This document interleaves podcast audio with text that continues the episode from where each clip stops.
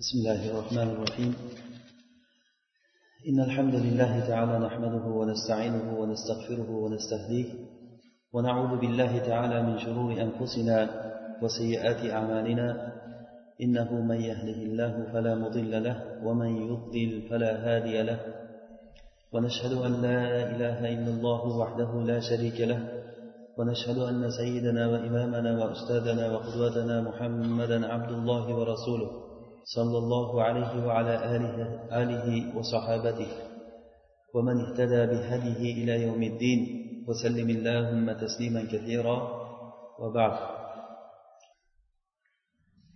الله سبحانه وتعالى مدد سورة بس قصص سورة سلاجية بعض الله سبحانه وتعالى بس لاجية أرغت كان هدايتا هدايتا مشكلة دوام تنزل odamlar hozirgi paytlarda umuman insoniyat hammasi yo allohni hidoyati bilan hidoyatlanadi yoki ollohdan boshqa yo'llarga qarab ketadi.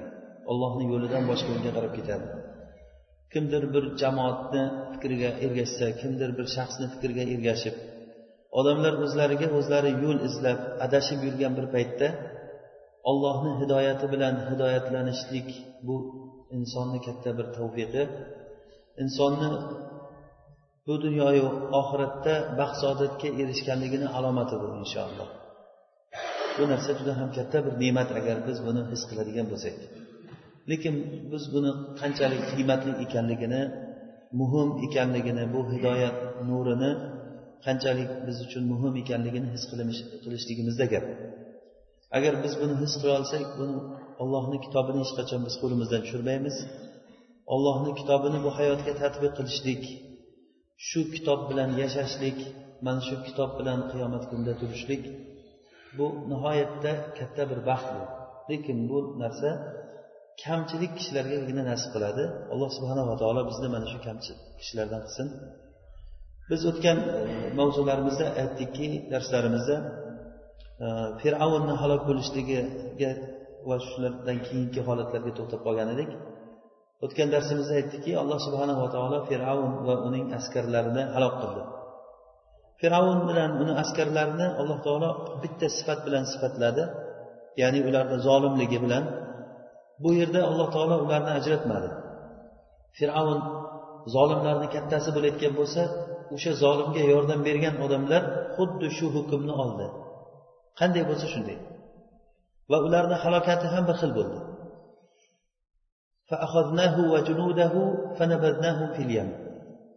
Alloh taolo mana shu qisqagina oyatda ularni halok qilganligini aytib qo'ydi. Ya'ni uni va uni askarlarini shunday ushladikda shunday suvga tashladik deyapti. Xuddiki bir toshni olib suvga tashlaganday bizga ta'bir qilib beryapti. Shuncha katta o'zini katta olgan fir'avn va uni minglagan yordamchilari askarlarini alloh subhanava taolo shunday olib shunday suvga tashladi deyapti. Bo'ldi shu bilan gap boshqa yoqqa ketyapti. Alloh taolo ibrat uchun aytyaptiki fanzur kayfakana aqibatu zolimin? Zolimlarni oqibati qanday bo'lganligini ko'rgin dedi. Bu qiyomat kunigacha bo'ladigan biz uchun katta bir ibratki bu ibrat faqatgina fir'avn bo'lishligi yoki fir'avnni askarlari bo'lishligi emas bu. Ya'ni zolimligi uchun bu. Shuning uchun ham alloh taolo ko'rgin fir'avnni oqibatini demadi yoki fir'avnni askarlarini oqibatini ko'r demadi balki aytdiki zolimlarni oqibatini ko'rgin dedi.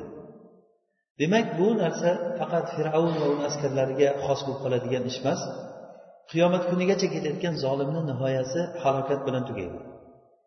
Va alloh taolo aytdiki biz ularni fir'avnni va uning askarlarini hammasini zalolat da'vatchilari qildik zalolat imomlari qildik dedi. Ya'ni biz o'tgan darsimizda aytib o'tdikki zalolatni imomlari bo'ladi va hidoyatni imomlari bo'ladi. Ya'ni zalolat imomlari ular odamlarni do'zaxga chaqiradi. Hidoyat imomlari bo'lsa ular odamlarni jannatga chaqiradi.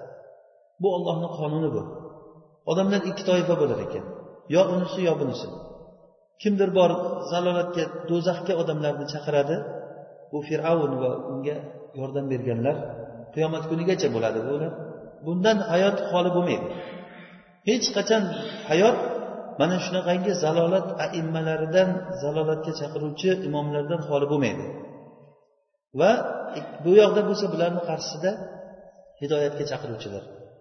Bular bir shaxsga xos bo'lib qoladigan narsa emas bu. Kimniki alloh subhanava taolo qalbini agar iymon nuri bilan nurlantirsa bu hidoyatga chaqiruvchi bo'laveradi agarchi unchalik katta ilmi bo'lishi bo'lmasa ham. Ba'zan ilmsiz uncha ilmi katta bo'lmagan kishilar katta katta imom bo'lgan kishilarga va'z qilgan joylari bor.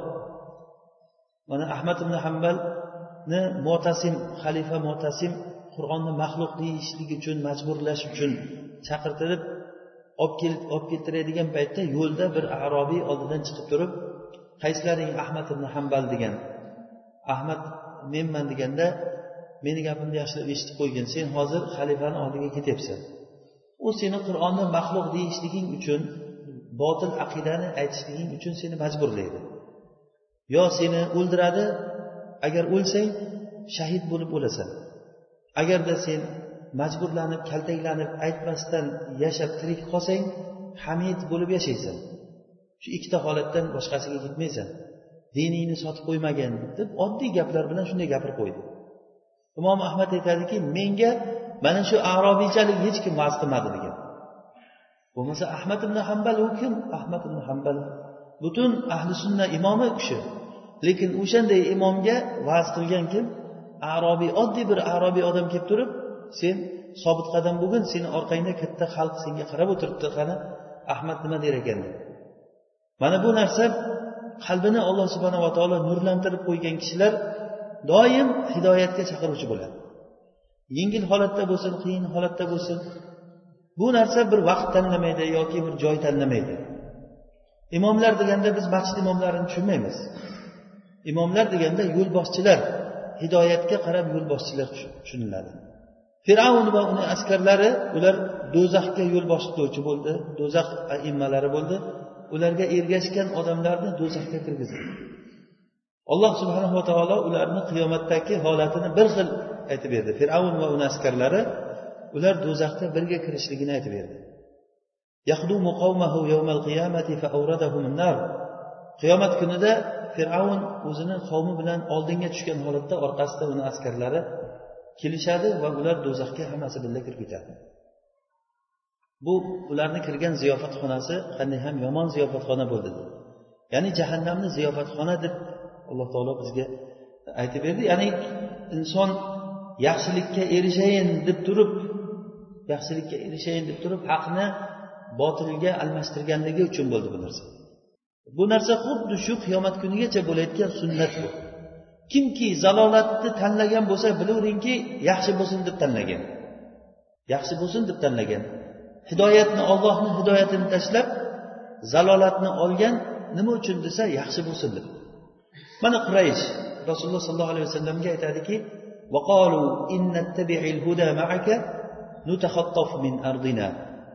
agar sendagi hidoyatga biz ergashadigan bo'lsak atrofdan odamlar bizni talab ketadi kelib degan demak rasulullohni qo'lidagi narsa hidoyat ekanligini bilgan ular mana shu gapidan qarang agar seni qo'lingdagi hidoyatga biz ergashadigan bo'lsak atrofdan odamlar kelib bizni talab ketadi hamma deyapti mana bu qurayshni aksar odamlarini zalolatni tutib qolganligini zalolatni ushlab hidoyatni ustiga zalolatni ushlab tutib qolganligini siri ham shu. Ya'ni yaxshi bo'lsin deb qilgan. Bilib turib qilgan bu ishlarni. Fir'avn muso alayhissalom haq ekanligini yaqinan bilardi judayam ishonch bilan bilardi. Lekin bu bilishligi unga foyda bermadi. Nima uchun haqni qabul qilmadi? U haqni qabul qilsam men kursidan kattalikdan tushib qolaman deb o'yladi mana bu fir'avnni johilligi edi insonlar mana shunday jaholatda yashaydi aksar odamlar olloh rahm qilgan odamlar bundan mustasno yaxshi yashayin deb zalolatga qadam qo'yadi ومن الناس من يقول ربنا آتنا في الدنيا فمن الناس من يقول ربنا آتنا في الدنيا وما له في الآخرة من خلاق odamlardan shunday toifalar borki ey olloh bizga faqat dunyoda ber deydi oxiratni so'ramaydi. Alloh taolo aytyaptiki ularga oxiratda hech bir nasiba yo'q. Va odamlardan shunday bir toifa borki alloh taolo o'shalardan qilsin bizni ey olloh bizga dunyoda ham oxiratda ham bergin deb so'raydi.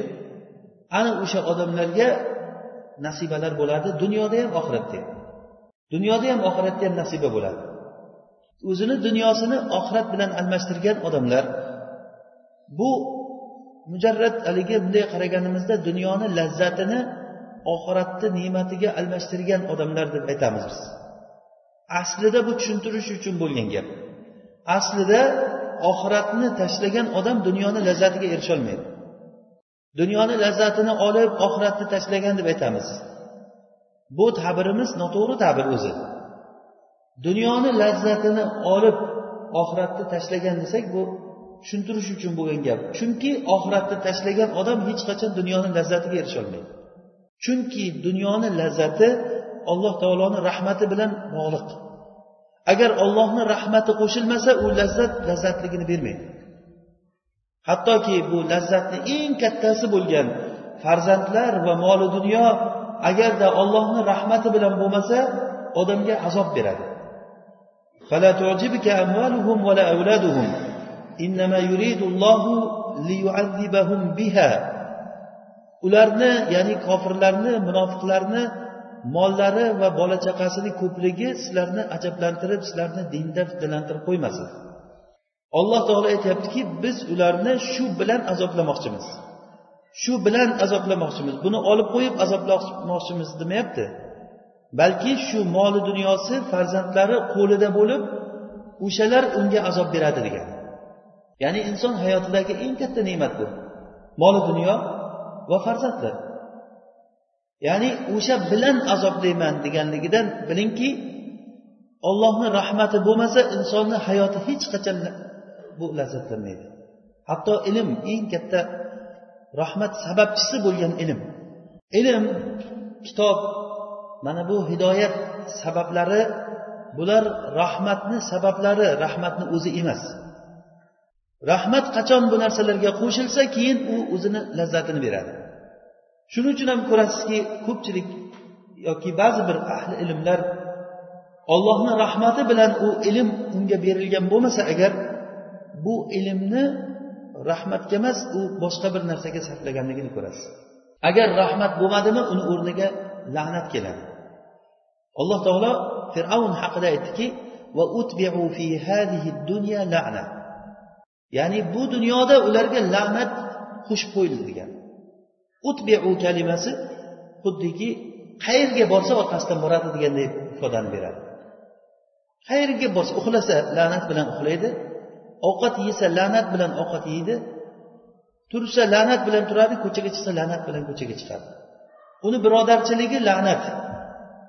U bilan birga muomala qilishlik la'nat. Nima degani la'nat degani? Rahmatni yo'qligi degani.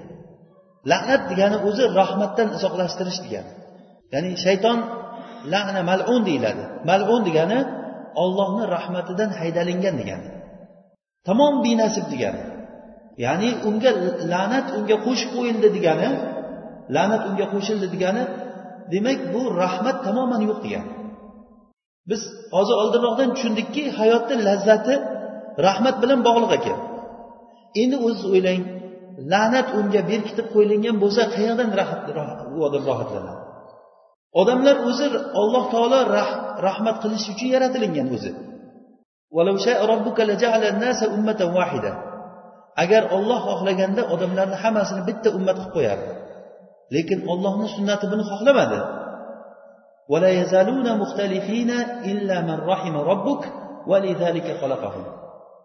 Ular ixtiloflashaveradi ixtiloflashaveradi illo olloh rahm qilgan kishilar ixtilofdan ular uzoq bo'ladilar. Valizalika shu tafsirlar ba'zi bir tafsirlarda buni ikki xil tafsiri bor. Ya'ni ba'zilar aytishadiki valizalika degani mana shu rahmat uchun ularni olloh yaratdi degan. Ya'ni ularni rahmat rahm qilishlik uchun olloh yaratdi. Inson asl yaratilishligi rahmat uchun yaratilindi. Yashasa uzoq umr ko'rsa shuncha moli dunyo berilsada rahmatdan asar ham bo'lmasdan dunyodan o'tib ketsa. Bu degani nima degani bu? Bu olloh o'zi uni rahm qilish uchun yaratgan bo'lsa. Nima uchun bunchalik darajada rahmatdan uzoq bo'lib la'nat bilan dunyodan ketdi? qiyomat kunida unga yordam berilmaydi deyapti biz shuni o'rganmoqchi bo'lgan narsamiz bugun shuni o'rganishimiz kerak ya'ni nima sababdan ular rahmatdan uzoq bo'lib la'nat bilan birga qo'shilib ketdi alloh subhanahu va taolo mana shu oyatlardan keyin aytadiki ولقد آتينا موسى الكتاب من بعد ما أهلكنا القرون الأولى بصائر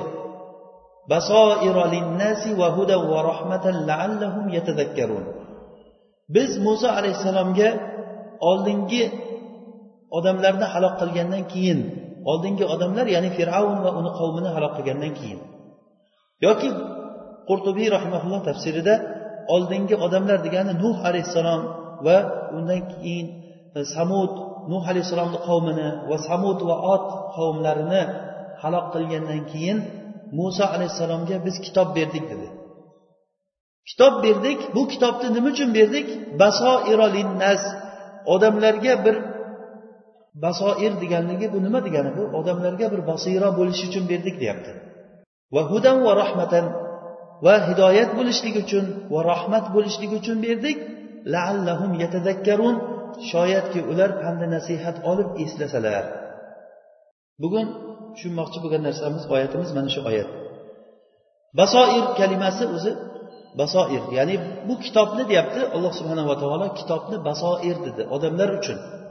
Ya'ni bunda kofir mo'minni ajratmadi. Hamma odamlarga alloh taolo hidoyatni teng tarqatdi. Payg'ambarlarni teng yubordi. Odamlardan hech biridan haqni yashirmadi. Shuning uchun ham bu yerda basoir lil mo'minin demasdan basoir linnas deyapti ya'ni butun odamlar uchun mo'minu kofirlar uchun. Ya'ni o'zi asli odamni hidoyat sabablaridan ko'rishlik e, tomonlari insonda biz kecha darsimizda ham aytgandik birinchisi fitrat bo'ladi. Fitrat bu inson qalbidagi haqni ko'ra olish. Alloh subhanava taolo buni nur surasida mo'minni qalbini ya'ni fitratni xuddiki bir chiroqqa o'xshatib bizga tashbih qilib o'xshatib berdi. Mo'minni qalbi xuddiki ollohni nuri turgan bo'lsa o'sha bir chiroqqa o'xshaydi. Bir lampalik bir chiroq shishadan bo'lgan u chiroq zaytun daraxtini yog'idan zaytun yog'idan yonadi. U chiroqni yondiradigan narsa ichida zaytun yog'i bor. U yog' muborak zaytun daraxtidan olingan yog' u sharqiy ham emas g'orbiy ham emas ya'ni nihoyatda eng zo'r sifatli giyoh. Yakadu zaytuha yudiu walau lam tamsashu nar uni yog'i o'sha nimasi zayti yog'i hali unga olov tegmasdan turib o'zi yorib qilaman deb turadi. Hali faraz qiling bir shisha idish turibdi ana shu mo'minni qalbi bu. Mo'minni qalbini ichidagi yog' haligi shishani ichidagi yog' bu fitrat ya'ni haqni ko'raman deyishlikka tayyor u degani lekin haqni to'la ravishda ko'rolmaydi. Shuning uchun ham alloh taolo yakadu zaytuha deb aytyapti. Uni yog'i yorishtiraman deydi. Yorishtiradi emas. Fitrat odamlarga hayot yo'lini yorishtirib to'la yorishtirib bermaydi. Lekin yorishtirib berishlikka tayyor degani bu fitrat qachonki nuru shariat kelsa shariat nuri kelsa buni payg'ambarlar vahiy bilan olib kelgan kitob qalbga kirgan paytda xuddiki o'sha zaytun yog'i zayt yog' va zaytun daraxtidan olingan yog' unga olov tekkan paytda lip bitib yonganda yorug' berib yuboradi. Nurun ala nur. Bu nur ustiga nur. Birinchi nur fitrat nuri ikkinchi nur nima bo'ldi? Bu shariat nuri bo'ldi. Agarda shariatni nuri kelmasa fitratni nuri yorug' bermaydi. Mana bu narsa odamlar o'zini aqli bilan to'g'rilikni topib kelaman ketaman degan odamlar adashib ketganligini shu yerdan ko'rasiz. Kimda kim? Ollohni kitobidan bir qarish uzoqlashdimi? Tamom o'sha joyda zalolatga qarab ketdi degan. Hidoyatni hammasi ollohni shariatida ollohni kitobida. Kimda kim agar ollohni kitobini har xil bahonalar bilan xuddiki quraysh aytganday agar biz bu shariatga amal qilayotgan bo'lsak atrofdagi kuchlar bizni talab ketib qoladi degan bahonalar bilan qilsin yoki bo'lmasa bu hech qanaqangi shariat degan narsa yo'q. Tamom biz buni tan olmaymiz degan ochiqchasiga kofir bo'lgan bo'lsin uni farqi yo'q uni. Muhim shu haqni olmadi. Bu salomat qalb bo'lgan kishini qalbi xuddiki o'sha shisha idishni ichida turgan toza yog' bu fitrat bu. Bu fitrat haqni qabul qilishlikka tayyor turibdi. Agarda unga shariat nuri kelsa nima bo'ladi? Nurun ala nur nur ustiga nur bo'ladi. Ammo buni teskari tomoni bo'lsa ya'ni fitratni buzilgan holati buni alloh subhanava taolo qur'onda shunday bizga sifatlab beradiki avka zulumatin fi bahrin lujjiyyin yaghshahu mawjun min fawqihi mawj. Min fawqihi sahab zulumatun ba'daha fawqa ba'din. Idza akhraja yadahu lam yakad yaraha. Man lam yaj'alillahu lahu nuran fama lahu min nur. Bu kofir kishini ya'ni fitrati buzilgan odamni misoli xuddiki bir dengizga tashlangan cho'kib ketgan odamga o'xshaydi. Faraz qiling bir inson dengizga tushib ketdi. Qorong'u kechada. Dengizga tushdi ustida to'lqin bor to'lqinni ustida yana to'lqin bor uni ustida qora bulut bor. Zulumot ustiga zulumot agar u qo'lini chiqarsa qo'lini ko'rmaydi. Ya'ni inson o'zini qo'lini har qanday qorong'u bo'lgan taqdirda ham qo'lini qayerdaligini biladi ko'tarsa. Lekin ko'rmaydi. Ya'ni bu haqni ko'rmay qolgan adashgan odamni misoli bu. Bizni oldimizda ikkita qalb turibdi. Bittasi shu zulmatda tushgan qorong'u dengizni ichiga tushib ketgan qalb bittasi bo'lsa boyagi shisha idishni ichida turgan musaffo zayt yog'i bilan yoritilingan qalb. Ana shu ikkita qalbni bizga alloh taolo misol qilib berdi. Endi o'sha to'g'ri qalb haqni ko'rib ketishlikka tayyor lekin haqni yuz foiz topib ketolmaydi. Shuning uchun ham alloh subhanava taolo nima dedi yakadu zaytuha lam tamsasu nar. Uni ichidagi yog'i hali unga nur yorug'lik olov kelmasdan turib yoritaman deydi. Bu olov ya'ni shariat olovi. Nur ustiga nur. Kimgaki alloh taolo o'zini nuri bilan nurlantirsa ana bu qalb shunday yorishadi. Demak basoir deganligi o'zi basora kalimasi arab tilida ko'rish ma'nosini ifoda qiladi. Ko'rish ikki xil bo'ladi yo ko'z bilan ko'rish yo qalb bilan ko'rish. Hozir bu yerda bizni oyatdagi maqsad basiro bu qalb bilan ko'rishlik bo'ladi. Chunki ko'z bilan ko'rishlikni ko'z bilan ko'rishlikni zalolatga agar ketib qolishlikka sabab bo'lmaydi ko'z bilan ko'rolmay qolsa odam. Qancha qancha olimlarni ko'rganmiz ko'zi ojiz. Ko'zi ojiz kishilar jannatga kiradi inshaalloh. Lekin qalbi ko'r bo'lgan odam bu jannatga kirmaydi. Eng haqiqiy ko'rlik qalbning ko'rligi bo'ladi. Kitob keltirgan hidoyat bu hidoyatni odamlarga alloh taolo basoir deyapti. Demak buni qalb bilan ko'riladigan narsa bo'ladi. Buni qaysi qalb ko'radi? Salomat qalbgina bu hidoyatni ko'ra oladi. Agarda qalb salomat bo'lmasa bu haqni ko'rolmaydi. Balki aksincha alloh taolo keltirgan haqni zalolat deb ko'radi. Ayollarga hijob o'rashlikni alloh taolo nur deb aytsa yo'q bu zalolat bu deb aytadi odamlar. Shariatda kelgan nima bo'lsa uni ko'ziga xunuk ko'riladi mana bu qanaqangi qalb bu? Olloh odamlarga nur bo'lsin bu dunyoda ham u dunyoda ham bular rahmatga erishsin deb turib keltirgan ollohni shariatini bu odamlar bizlarga bu tanglik bo'lyapti deb qabul qilsa. Alloh subhanava taolo qur'onda aytadiki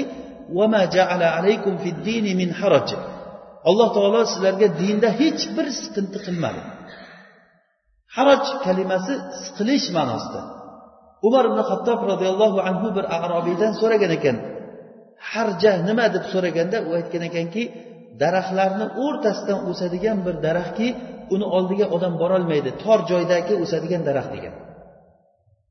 ya'ni mana bu munofiq kishining qalbi bo'ladi munofiq kishini qalbi shariatda kelgan hamma narsadan siqiladi agarda ollohga chaqirilinsa siqilib uyqusi keladi shunday ollohga chaqirish to'xtagan paytda birdan uyqusi qochib o'ziga kelib xursand bo'lib ketadi وإذا ذكر الله وحده اشمأزت قلوب الذين لا يؤمنون بالآخرة وإذا ذكر الذين من دونه إذا هم يستبشرون agar ollohga chaqirilinsa ollohga oxiratga iymon keltirmayotgan odamlarni qalblari siqiladi yoki boshqa oyatda alloh taolo aytadiki xuddiki bu yuqoriga chiqqan odamday qalbi siqiladi degan yuqoriga chiqqan odam kislorod yo'qligi uchun siqiladi rasululloh sollallohu alayhi vasallam bir ming to'rt yuz yildan oldin mana bu qur'onni mo'jizalaridan biri yuqoriga chiqqan odamni qalbi siqilishligini qur'onda aytib qo'yibdi ollohga chaqirilinsa qalb shunday siqiladi. Ollohdan boshqa narsalar zikr qilinsa ular xursand bo'lib ketadi odamlar. Mana bu inson o'zini qalbidagi bu tarozi bilan o'lchab o'ziga o'zi inson baho bersa bo'ladi. Kim borki hidoyat istaydi nima qilsam to'g'ri bo'ladi nima qilsam olloh mendan rozi bo'ladi deb kim borki unga hidoyat aytilinsa qalbi siqiladi odam. Mana shu e'tibor bilan odamlar ikkiga bo'lingan. Demak basoir deganligi bu kitobni alloh subhanava taolo odamlar uchun butun insoniyat uchun kofiru insonlarni hammasi uchun basiro ya'ni qalb bilan ko'radigan narsalar qildi. Birinchidan buni ko'rish uchun qalbdagi fitrat va ikkinchidan koinotdagi bo'ladigan asarlarni alloh subhanava taolo oyatlar qilib qo'ydi. Ya'ni bu narsalar oyatlar. Xuddiki masalan e, tog'larni yaratilishligi osmonlarni yaratishligi yerlar yomg'irlarni yog'ishligi o'simliklar o'sishligi bu narsalar hammasi oyat bular. Ya'ni oyat degani nima degani? Uni yaratuvchisi bor kimdir buni bajaryapti ekanligiga bu alomat bu. O'zi arab tilida oyat kalimasi bilan alomat kalimasini ikkovsini farqi bor. Ya'ni alomat deganligi buni hamma ham tushunaveradigan narsa bo'lmaydi. Masalan bir joyga bir tilla ko'mdingiz esda qolish uchun tilla deb aytaylik.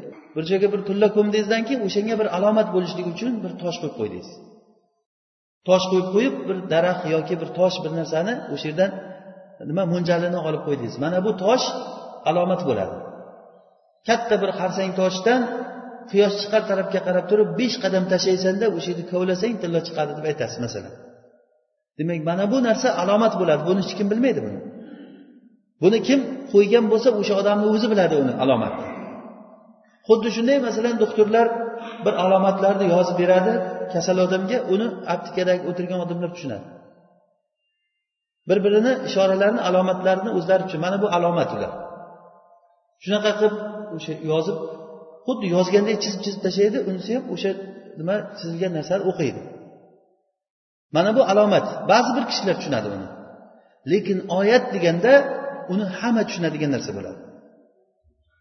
Alloh subhanava taolo bu koinotdagi narsalarni bizga aqlli odamlar uchun alomatlar oyatlar qildi mana shu e'tibor bilan. Ya'ni odam bunday qaraganda aqli bor odam biladigan qilib qo'ydi. Faqat bitta narsa qoldi. Shunday osmon pardalari ochilib alloh subhanava taolo o'zi ko'rinsa farishtalar ko'rilinsa jannat bilan do'zax ko'rilinsa parda tamoman odamlardan parda ko'tariladi. Lekin bunda imtihon degan narsani siri umuman qolmaydi. Mana shu imtihon bo'lishligi uchun alloh subhanahu va taolo g'oybiy zot farishtalar g'oyib bo'ldi bizdan. Jannat va do'zax oxirat kunlari g'oyib bo'ldi bizdan. Ya'ni g'oyib hayoti bo'ldi. Bizga ko'rinmaydigan qilib qo'yilindi.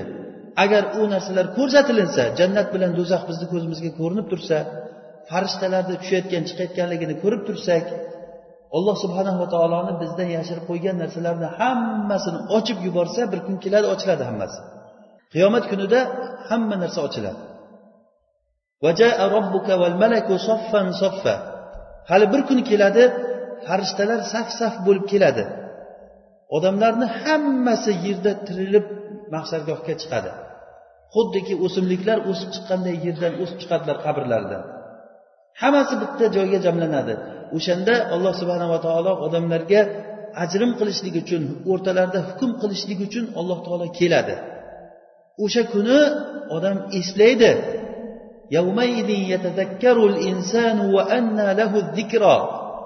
Bu kuni inson pandi nasihat oladi lekin u pandi nasihat olishlik foydasi bermaydigan kun bo'ladi. Yaqulu ya laytani qaddamtu li hayati. Aytadiki koshki edi men hayotim uchun yana dunyoga tursam edim demak bu kun kelib qolishligidan oldin aqlli odamlarga alloh taolo pandi nasihat bo'lishligi uchun bu kitobni tushirdi va bu narsalarni bizga o'rgatdi. Demak panda nasihat olishligimizga birinchi navbatda bizga fitrat berdi alloh taolo. Va ikkinchi shu fitrat bilan haqni topa olishligimiz uchun koinotdagi butun barcha narsalarni bizga oyatlar qildi alloh taolo.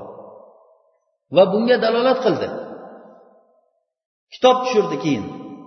Mana shu kitob bizga haqni ko'rsatadigan katta bir pandi nasihat beradigan narsa qilindi aynan muso alayhissalomga tushgan kitob ya'ni tavrot buni alloh taolo odamlar uchun basoir deb sifatladi ولقد آتينا موسى الكتاب من بعد ما أهلكنا القرون الأولى بصائر للناس وهدى ورحمة ya'ni va hidoyat qildik bu kitobni va rahmat qildik hidoyat bilan rahmat ikkovsi bir biriga mutalozim ya'ni birisi bor joyda ikkinchisi bor degani qayerda hidoyat bormi o'sha yerda rahmat bor Kimki farzandlarini tarbiyalashlikda agar hidoyatlansa bu odam farzandlari tomonidan rahmatga erishdi degani. Ammo farzand tarbiyasida hidoyatdan chiqqan odam qiz bo'lsin o'g'il bo'lsin odam farzand tarbiyasi juda katta bir hidoyatga muhtoj bo'ladigan ish bu. Xuddiki o'zi o'sib ketayotgan daraxtdek suv qo'yib qo'yib nima qilib oziqlantirib turib qaramasangiz oddiy o'simliklar qanday qilib o'sadi bu? U farzand bo'layotgan bo'lsa undan ham battar o'sib ketib qoladi. Atrofdagi ta'sirlanadigan narsalardan salomat fitrat bilan tug'ilgan farzandlar atrofdagi narsalardan juda ham tezlik bilan ta'sir oladi. Siz ulgurmay qolasiz. U narsalarni qaytarishlikka ulgurmay qolasiz. Uni atrofini o'rab zalolat keltirayotgan eshiklarni yopib hidoyat keladigan eshiklarni ochib va o'sha hidoyatga uni yo'llab yetti yoshda bolalaringni namozga o'rgatinglar buyuringlar. o'n yoshda namoz o'qimayotgan bo'lsa uringlar deb rasululloh sollallohu alayhi vasallam o'g'il bilan qizlarni to'shakda yotadigan joylarni ajratib qo'yinglar. Va hokazo va hokazo. Ey bola o'ng qo'ling bilan yegin oldingdan yegin bismillah degin deb rasululloh sollallohu alayhi vasallam ovqat yeydigan bolaga o'rgatgan ta'limotlari uni ovqat yeyishligi bormi tahorat qilishligi bormi namoz o'qishligi bormi qisqasi bu narsalar hidoyat bular hidoyat bor bo'lgan joyda rahmat bor. Qaysi bir joydan hidoyat chetlandimi o'sha joyga rahmat ketdi erdan. Rahmat ketgan joyda o'rniga nima keladi dedik? Billah la'nat keladi. Bu azob bo'ladi keyin. Bu ollohni sunnati bu. Biz mana shu narsani yaxshi o'rgansak ilm o'rgangan bo'lamiz. Bu xohlagan odam olsin xohlagan odam tashlasin. Shuning uchun bu narsa ko'p o'qishlik bilan bo'lmaydi bu. Ko'p eshitishlik bilan qalblar balkim qotib ketishligi mumkin. Masalan nuh alayhissalom qavmini to'qqiz yuz ellik yil da'vat qildilar. Nuhday payg'ambar da'vat qilyapti. Lekin u kishiga eng yaqin bo'lgan xotini va eng yaqin bo'lgan o'g'li hidoyatga kelmadi. Nega hidoyatga kelmadi?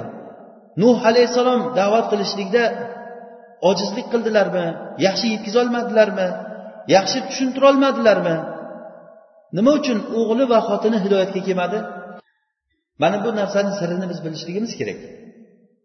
Haq shunday bir narsaki odam qalbida o'sha salomat fitrat bilan odam haqni qabul qilishlikka tayyor turgan paytda haq uni oldiga ravshan bo'lib ko'rinadi. Mana shu joy biz uchun imtihon o'rni bo'ladi. Xohlang oling xohlang tashlang. Mana shu joyda ajrim bo'ladi odam ikkiga bo'linadi. Asho degan bir shoir o'tgan johiliyat paytida rasululloh sollallohu alayhi vasallamni zamonlariga yetgan odam. Asho degan.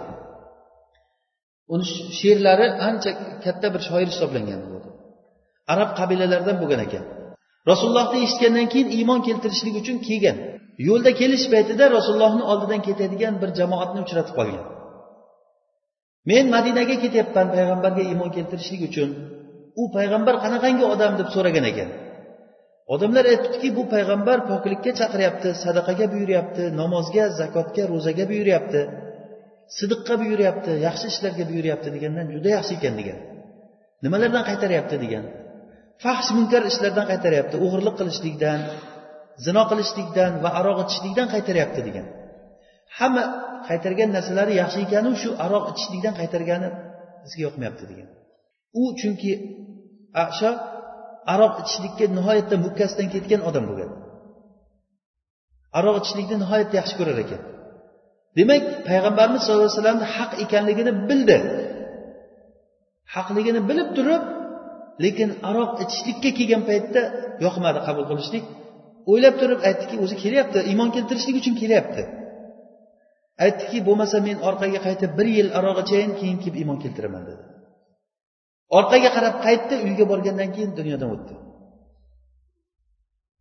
Nima bo'ldi bu odamni oqibati endi? Xuddiki unga la'nat yopishdi degan narsaga xuddi shunga o'xshaydi. Haqni bildi haqga qarab yurdi haq ravshan bo'lgan paytda qabul qilmadi. Bu ayni quraysh tutgan yo'li shu. Mana amr ibn os roziyallohu anhu biz o'tgan darsimizda ham aytgandik u kishi shuncha aqlli bo'lishligi bilan birga u kishini iymoni bir necha yillar kechikdi. Hijratni sakkizinchi yilda iymon keltirganlar. Shunda odamlar aytgan ekanki sen shunchalik aql egasi bo'lib turib islomga kelishliging qanday kechikkanligiga biz ajablanamiz deganda amr ibn os aytgan ekanki bizni kattalarimiz bor edi qurayshdan bo'lgan yoshi katta chollar kattalar bor edi. Ana o'sha kattalar bilan aldanib qoldik biz. Ularni aqlini ahmoqlik egallab qolgan ekan. Alloh taolo ularni halok qilgandan keyin bizni oldimiz ochildi. Qarasak haq juda ham bayyin ochiq ravshan ekan degan. Bayyin qarasak haq nihoyat darajada ochiq narsa ekan degan. Amr ibn os musaylimatil kazzobni oshnasi bo'lgan ekan do'sti bo'lgan. Musaylimatil kazzob banu hanifa qabilasida u payg'ambarlik davo qilib chiqqan rasulullohni davrlarida. Men ham payg'ambarman deb chiqqan. O'zicha o'zi oyatlarni to'qigan.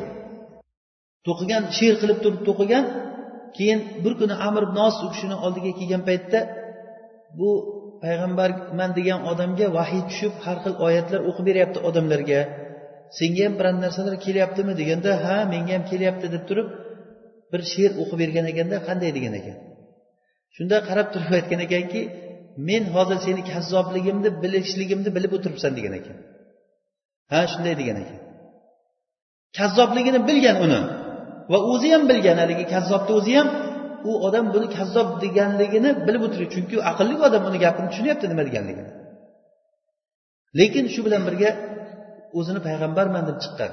Haq ravshan bo'lgan. O'zini kazzob ekanligini bila turib yolg'on gaplarni to'qigan. Mana bu hozirgi kundagi odamlarni ikki toifaga ajratgan narsa shu. Zalolat imomlari bor.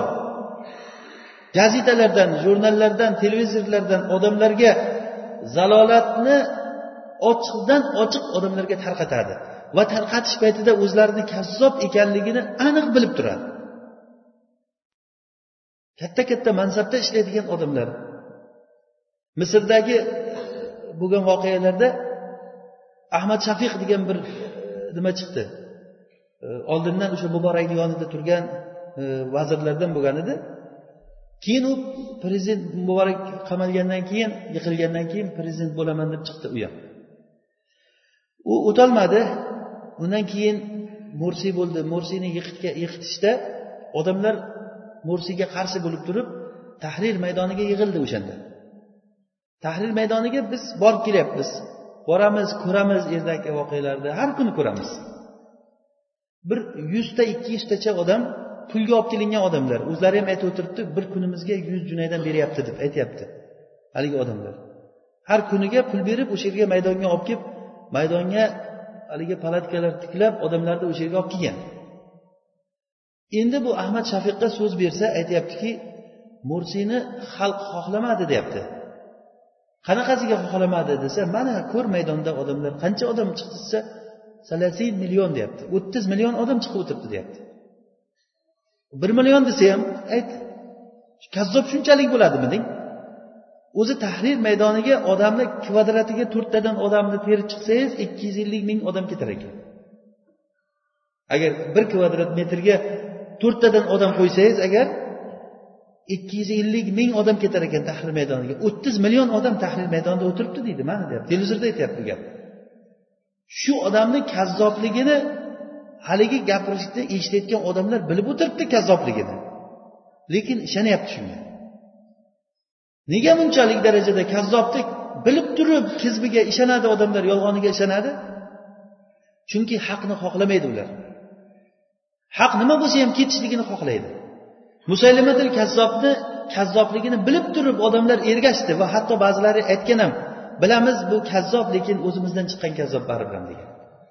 Shuning uchun bunga ergashamiz degan. Mana bu narsa odamlar o'rtasidagi o'sha ajratib berayotgan ajrim joyi shu yerda.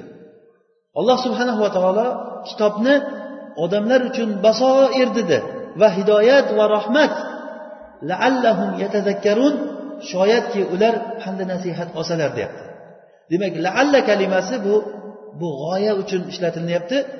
Xuddiki alloh subhanava taolo kitob tushirganligi va bu kitobni odamlarga eslatadigan bir narsa qilishligi va odamlarni uchun hidoyat va rahmat bo'lishligidan maqsad pandi nasihat olishligi bo'lyapti. Ya'ni eslatma olishliklari uchun kitob kelyapti. Alloh taolo samoviy kitoblarni pandi nasihat olishlikka g'oya qilib qo'ydi. Ya'ni kitoblar shu uchun tushdi. Odamlar pand nasihat olishlik uchun tushdi. Demak bu g'oya ekan. Bu g'oyani alloh subhanava taolo qur'onda uch xil ko'rinishda aytib bergan. Laallahum yatazakkarun hozirgi oyatda laallahum yatafakkarun laallahum yoki liyaddabbaru ayatihi. Kitabun anzalnahu ilayka mubarakun liyadabbaru ayatihi va liyatazakkara ulul albab.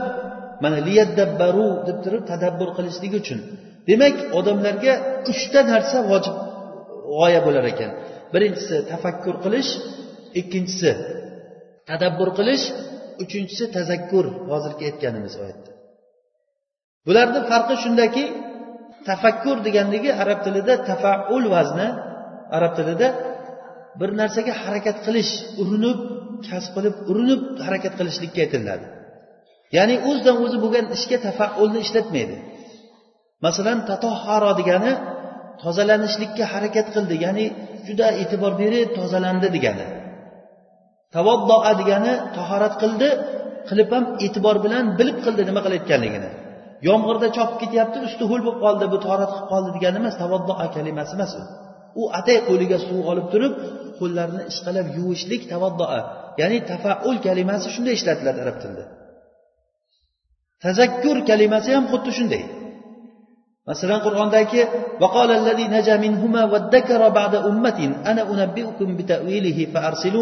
degandagi ya'ni bu esiga tushib qoldi degani. Qamoqda yusuf alayhissalom bilan birga o'tirgan odam keyin u qamoqdan chiqib podshoga aroq siqib beruvchiga aylanib ketadi.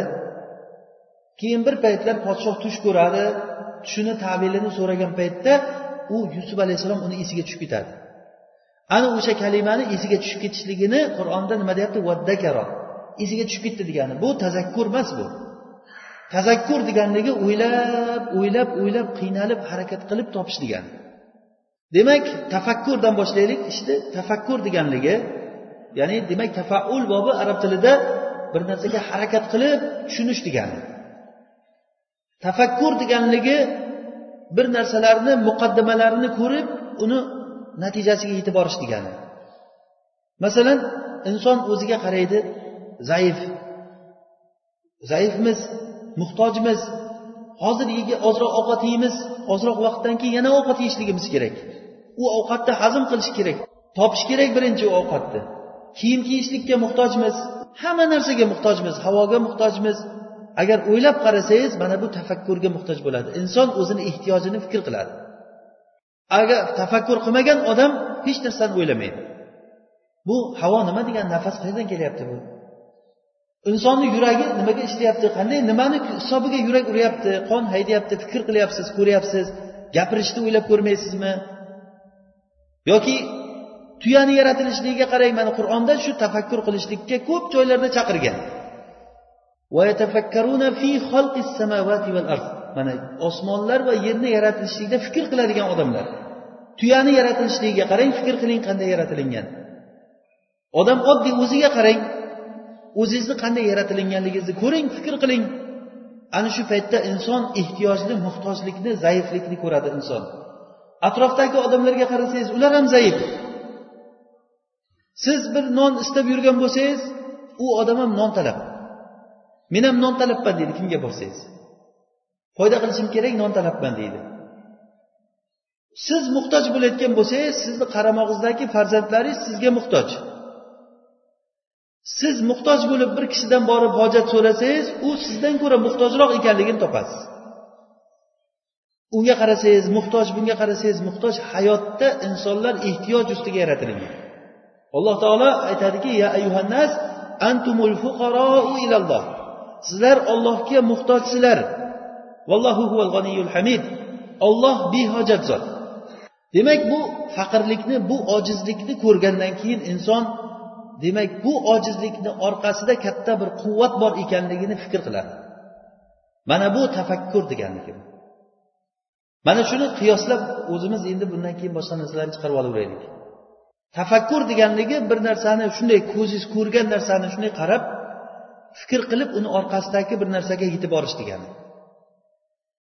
Xuddiki inson zaifligini ko'rgan odam bunga demak kimdir bunga berib turibdi deganligini bilasiz. Yurak urib turibdimi inson harakatlanib turibdimi demak kimdir bu insonga hayotini yurg'izib turibdi. Olloh subhanava taolo har bir narsani quvtini ya'ni ozuqasini beruvchi zot. Agar shu ozuqani bermasa masalan jism nimadan paydo bo'ladi? Jism zarralarni tez harakat qilishligidan paydo bo'ladigan jism masalan agarda shu harakat qilishlik har qanday bir narsani mana shu narsani agar bir tekshirib qaralinsa bunda nechi million milliardlagan zarralarni juda tez harakatidan jism paydo bo'lar ekan. Xuddiki haligi ventilyator aylangan paytda uchta qulog'i bor ventilyator juda katta tezlik bilan aylanganda bizni ko'zimizga bir tarilka bo'lib ko'rinadi. Tarilka tez harakatda. Jismlar mana shunday tez harakat qilinganligidan jism bo'lib turadi. Agar bu harakati to'xtasa hamma narsa shunday titilib ketadi birdan. Bu titilib ketishligi mana shu harakatni kim beryapti? Olloh harakatni beryapti. O'simliklarni kim o'stiryapti? Hech o'ylab ko'rganmisiz bitta donni yorilib uni ichidan o'simlik o'sishligini? Odam o'ylamaydi agar uni o'ylashlikka chaqirmasa. Chunki o'zi asli fitrat salomat fitrat uni o'ylash kerak. Salomat fitrat bo'lgandan keyin o'ylash kerak. Bir arobiy aytganidek agarda bir izlarni ko'rsak shu yerdan asar o'tganlik bu yerdan bir e, musofirlar o'tganligiga dalolat qiladi. Tuyani tezagini ko'rsak tuya bor ekan degan narsaga dalolat qiladi. bu osmon shunchalik burjlik osmon va shuncha katta suvlik ummonlik bu dengizlar latiful xobir bo'lgan ollohga dalolat qilmaydimi degan الأثر يدل على المسير والبعرة تدل على البعير والسماء ذات أبراج والأرض ذات فجاج أفلا يدل على العليم على اللطيف الخبير bir arobiyning aytgan gapi bu inson agar tafakkur qiladigan bo'lsa robbisini topadi albatta. Topganda ham ong bilan topadi odam. Bitta misol o'zimizni ehtiyojimiz to'g'risida fikr qilsak. Kibrlangan odamlar quvvati bilan kibrlangan odamlar johil bo'lganligi uchun kibrlanadi. Ming quvvatli bo'lgan odam bitta pashshaga kuchi yetmaydi. Kelib turib shunday burniga kirib ketsa tamom. Inson o'zini sochini o'zi ololmaydi hattoki. Har qancha quvvatli bo'lgan taqdirda ham bir joyga bir tikan kirib ketsa bir joyga doktorga borib turib oldirish kerak o'shani uni odam ichidagi a'zolarni endi qo'yavering endi nimalar bo'layotganligini. Bitta tomir ishlamay qolsa tamom degan odamga. Mana shu narsalarda fikr qilsangiz mana buni otini tafakkur deyiladi. Tadabbur degan narsa shuki narsalarni oqibatini o'ylash degani o'zi dubur degani arab tilida bir narsani oxiri degani dubur kulli shayin degani har bir narsani oxiri degani. Oxirini o'ylab ko'rishlik oxiriga qarash bu tadabbur deyiladi. Inson tafakkur qilib alloh subhanahu va taoloni hikmatli zot ekanligini bildimi? Olloh hikmatli zot ekan tafakkur qiling ollohni hikmatini ko'rasiz. Zolimga nima uchun shunday qilib qo'yibdi? Alloh taolo shu ilonga oyoq bermagan ekan shu uchun ham. Shu uchun ham mana buni bunday qilgan ekan. Agar o'ylasangiz bu hikmat o'zini shunaqangi bir katta sir asrlarni ochib tashlaydi. Bunda gap tugamaydi. Kitoblar yozish mumkin bu narsada. Endi ho'p ollohni hikmatini bilganingizdan keyin ertayu kech yomonlik qilsangiz faqat gunoh qilsangiz odamlarni g'iybat qilsangiz faxsh narsalarni ko'rilinsa olloh qaytargan narsalardan qaytmasa zulm qilsa va boshqa qilsada oxiratga borganda men najot topaman deb o'ylasangiz bu tadabbur qilish emas bu. Tadabbur deganligi mana shu yomon ishlarni oqibatida bu hakim bo'lgan zot menga qanday muomala qilar ekan deb o'ylang. Hech vaqt yomonlik qilgan odamga hakim bo'lgan zot yaxshi muomala qiladimi?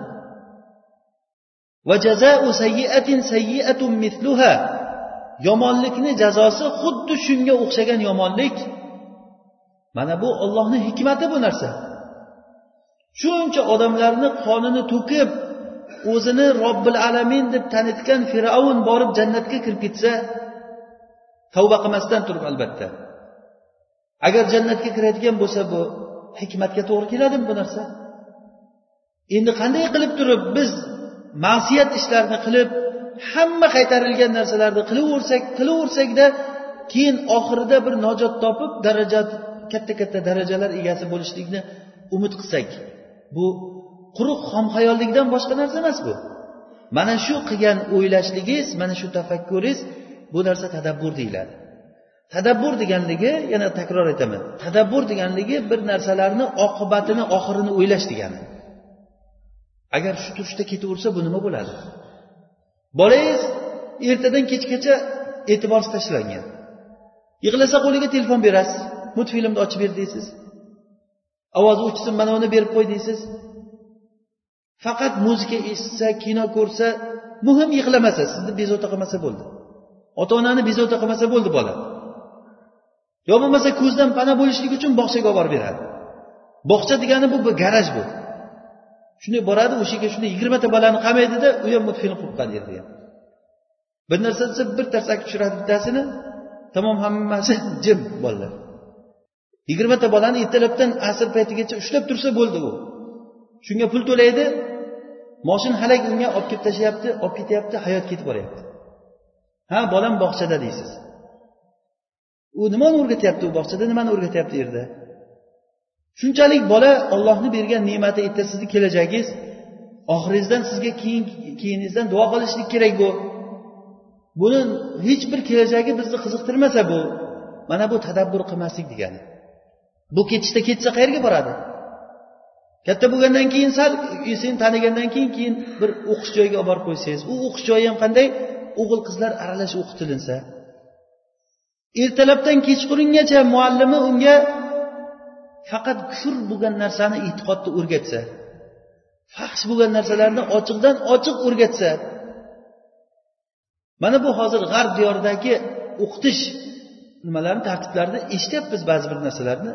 Odam hayron qolasan ularni o'n uch o'n uch yoshga kirgan bolalarga o'rgatayotgan narsalariga. Er xotinchilik muomalalarini ochiqdan ochiq ko'rsatib beryapti. Olti yoshlik bolalarni kitoblarini o'qib odam hayratga tushasan deyapti. Nimani o'rgatyapti ular unaqa qilib bolaga?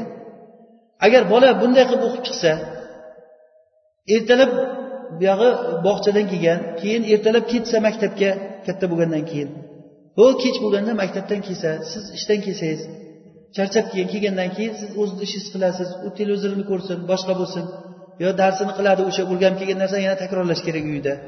Ertaga yana ketadi yana keladi yana ketadi. Har orada yana e, safarlarga olib chiqadi boshqa bo'ladi. Ota onang senga hech qanday haqqi yo'q. Agar bir tarsak urayotgan bo'lsa bizga telefon qilgin deb telefon raqamlar bersa u bolaga. U bola nima bo'lishi mumkin keyin? O'ylab ko'ring. Buni oqibatini o'ylashlik tadabbur deyiladi. Bu bu shu hayotdagisi bu. Oxiratda nima bo'ladi bu? Shuning uchun ham aksar bolalarni ko'ring katta bo'lgandan keyin fahsh ishlariga berilib ketadi. Fahshdan lazzat ololmaganligidan keyin nashaga o'tadi. Chunki biz aytdikku ollohni rahmati bo'lmasa hech qachon erkak bilan ayol bir biriga qo'shilib lazzat olmaydi. Illo ollohni rahmati bo'lsa bo'ladi bu narsaga. Ollohni rahmati shar'iy bo'lmagan narsadan rahmat istab o'tirmaydi ollohni rahmati sug'urib olingan bo'ladi undan. Qaysiki bir toat bilan bo'lmadimi? Masalan bir pul topdingiz. Shar'iy bo'lmagan yo'l bilan sizga keldi u bilasiz uni.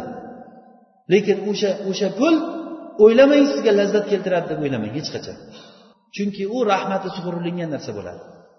Oddiy bir birodarchiligimiz ham. O'sha birodarchiligimiz agar bir manfaat ustiga qurilgan bo'lsa u birodarchilikda rahmati sug'urilingan birodarchilik bo'ladi. Rahmati sug'urilingan birodarchilik bu barakasi yo'q bo'lgan birodarchilik bo'ladi. Hayotni olasizmi boshqani olasizmi mana shunday. Demak tafakkur deganligi narsalarni shunday ko'zimizga ko'rinib turgan narsalarga qarab uni oqibatini o'ylash degani. Xuddiki mana inson o'zini yaratilishligini ko'rib koinotdagi narsalarni yaratilishligini ko'rib uni yaratuvchisi bor deb o'ylaganiga o'xshab tadabbur deganligi narsalarni oqibatini o'ylash degani. Hozirgi bola agar shunday katta bo'layotgan bo'lsa qayerga boradi nima bo'ladi? Mana bu tadabbur degani.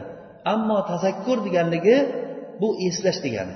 Eslash degani o'z uz o'zidan uni lozimidan chiqadiki demak odam esladi degani oldin bilgan ekan keyin esdan chiqarib qo'ygan ekan degan narsa chiqadimi yo'qmi? Demak odamlar haqni bilgan va bilganu esidan chiqib qolgan. Kitob keldi mana shu narsani eslatishlik uchun. Butun kitobdagi narsalar hammasi shu narsani eslatishlik uchun keldi. Biz olloh subhanahu va taoloni o'zimizni fitratimiz bilan ollohni umumiy holatda taniymiz. Ya'ni ko'pchilik odamlar hali kitob o'qimasdan turib hidoyat eshitmasdan turib haqni taniydi. Lekin biz aytdikki bu tamomiy tanishlikni tanimaydi. Haqni taniydi.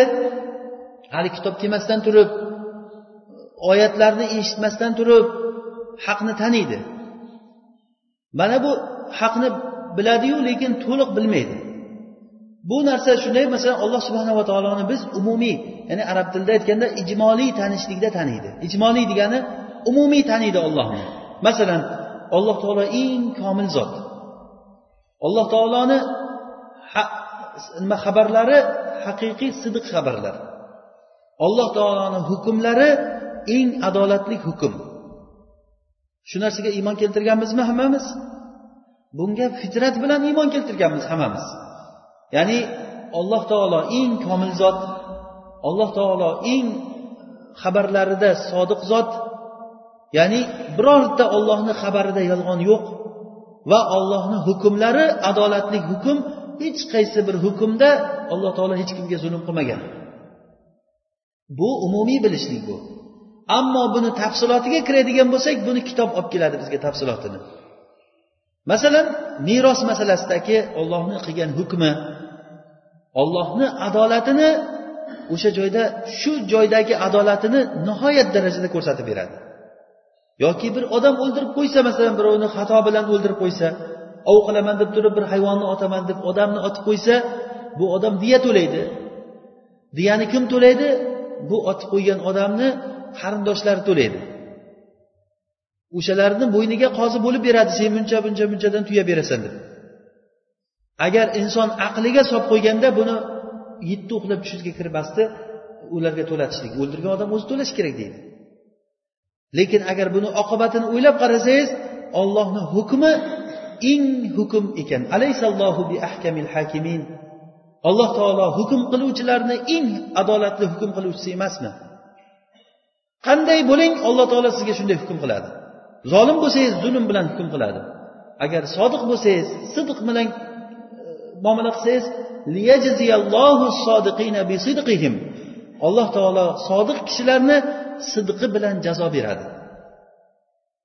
Iymoningizda sodiq bo'lsangiz amalingizda sodiq bo'lsangiz va'daga sodiq bo'lsangiz har bir narsada sodiq bo'lsangiz mana shu olloh subhanava taolo xuddi siz aytganday topasiz inshaalloh. Bir kishi kelib turib rasululloh sollallohu alayhi vasallamga iymon keltirganda shu shu paytda jihod tugab bir jihod tugab tugagan paytda rasululloh sollallohu alayhi vasallam g'animatlarni bo'lishtirish paytida kelib qolgan ekan. Keyin uni oldiga ham rasululloh bir narsani qo'ygan. Qo'yganda haligi kishi bu nima ey rasululloh? deganda bu g'animat bu bu seni haqing bu shar'iy haqing. Haqqing shuni olgin deganda ey rasululloh men bu uchun iymon keltirmadim degan. Men o'q mana shu yerimga sanchilishligi uchun iymon keltirdim degan. Rasululloh sollallohu alayhi vasallam aytdilarki agar olloh uchun sen to'g'ri gapirgan bo'lsang olloh sen uchun to'g'ri turib beradi dedilar. Keyingi g'azotda o'sha odamni topolmay qoldilar. Keyin bir yerdan topdilar qarasalar xuddi qo'lini qo'ygan joyiga o'q sanchilgan rasululloh sollallohu alayhi vasallam uni janozasini o'zlari o'qiganlar. Rasululloh aytgan ekanlarki ey robbim mana shu bandangga men guvohman. Bu odam sen uchun chiqdi deb turib guvohlik berganlar. Ya'ni olloh uchun turib bergan odamlarga olloh turib beradi. Alloh taolo hukmlarida eng to'g'ri bo'lgan sodiq bo'lgan zot. Biz buni umumiy bilishlikda bilamiz. Lekin kitob o'qisak agar ilm o'qiydigan bo'lsak buni tafsilotiga kiramizki ollohni xabarlarini keyin o'qing. Muso alayhissalomni xabarini o'qing. Boshqa bir payg'ambarlarni xabarlarini o'qing. Mana bu payg'ambarlarni qissalarini biz sizlarga qissa qilib beramiz deydi alloh taolo. Yusuf alayhissalomni qissalari va boshqa boshqa qissalar vaman asdaqu minallohi qiyla vaman asdaqu minallohi hadisa kim ollohdan ko'ra to'g'ri gapiruvchiroq ollohdan ko'ra xabarni kim to'g'ri aytuvchiroq ollohni hukmidan ko'ra kim adolat qiluvchiroq ollohni hukmini olmasdan turib o'zim hukm qilaman degan odamlar ollohni bilmaganga chiqargan bo'ladi. Bular o'zlarini fitratiga teskari chiqqan odamlar bo'ladi. Chunki biz boshdan kelishdik. Fitrat bu odamlar alloh taoloni o'zi taniydigan narsa. Fitratan inson ollohni eng komil zot eng xabarlarida sodiq zot eng hukmlarida odil zot deb turib fitrat tanidi ollohni endi xabarlar kelgan paytda kitob kelgan paytda uni olmagan odamlar o'zidan zulm qilish o'ziga o'zi zulm qilishlikdan boshqa narsaga o'tmaydi. alloh subhanava taolo bizni hidoyatlasin mana shu kitobni bizni hayotimizga haqiqiy nur va basoir hidoyat va rahmat qilsin inshaalloh darsimizni davomi bor سبحانك اللهم وبحمدك نشهد أن لا إله إلا أنت نستغفرك ونتوب إليك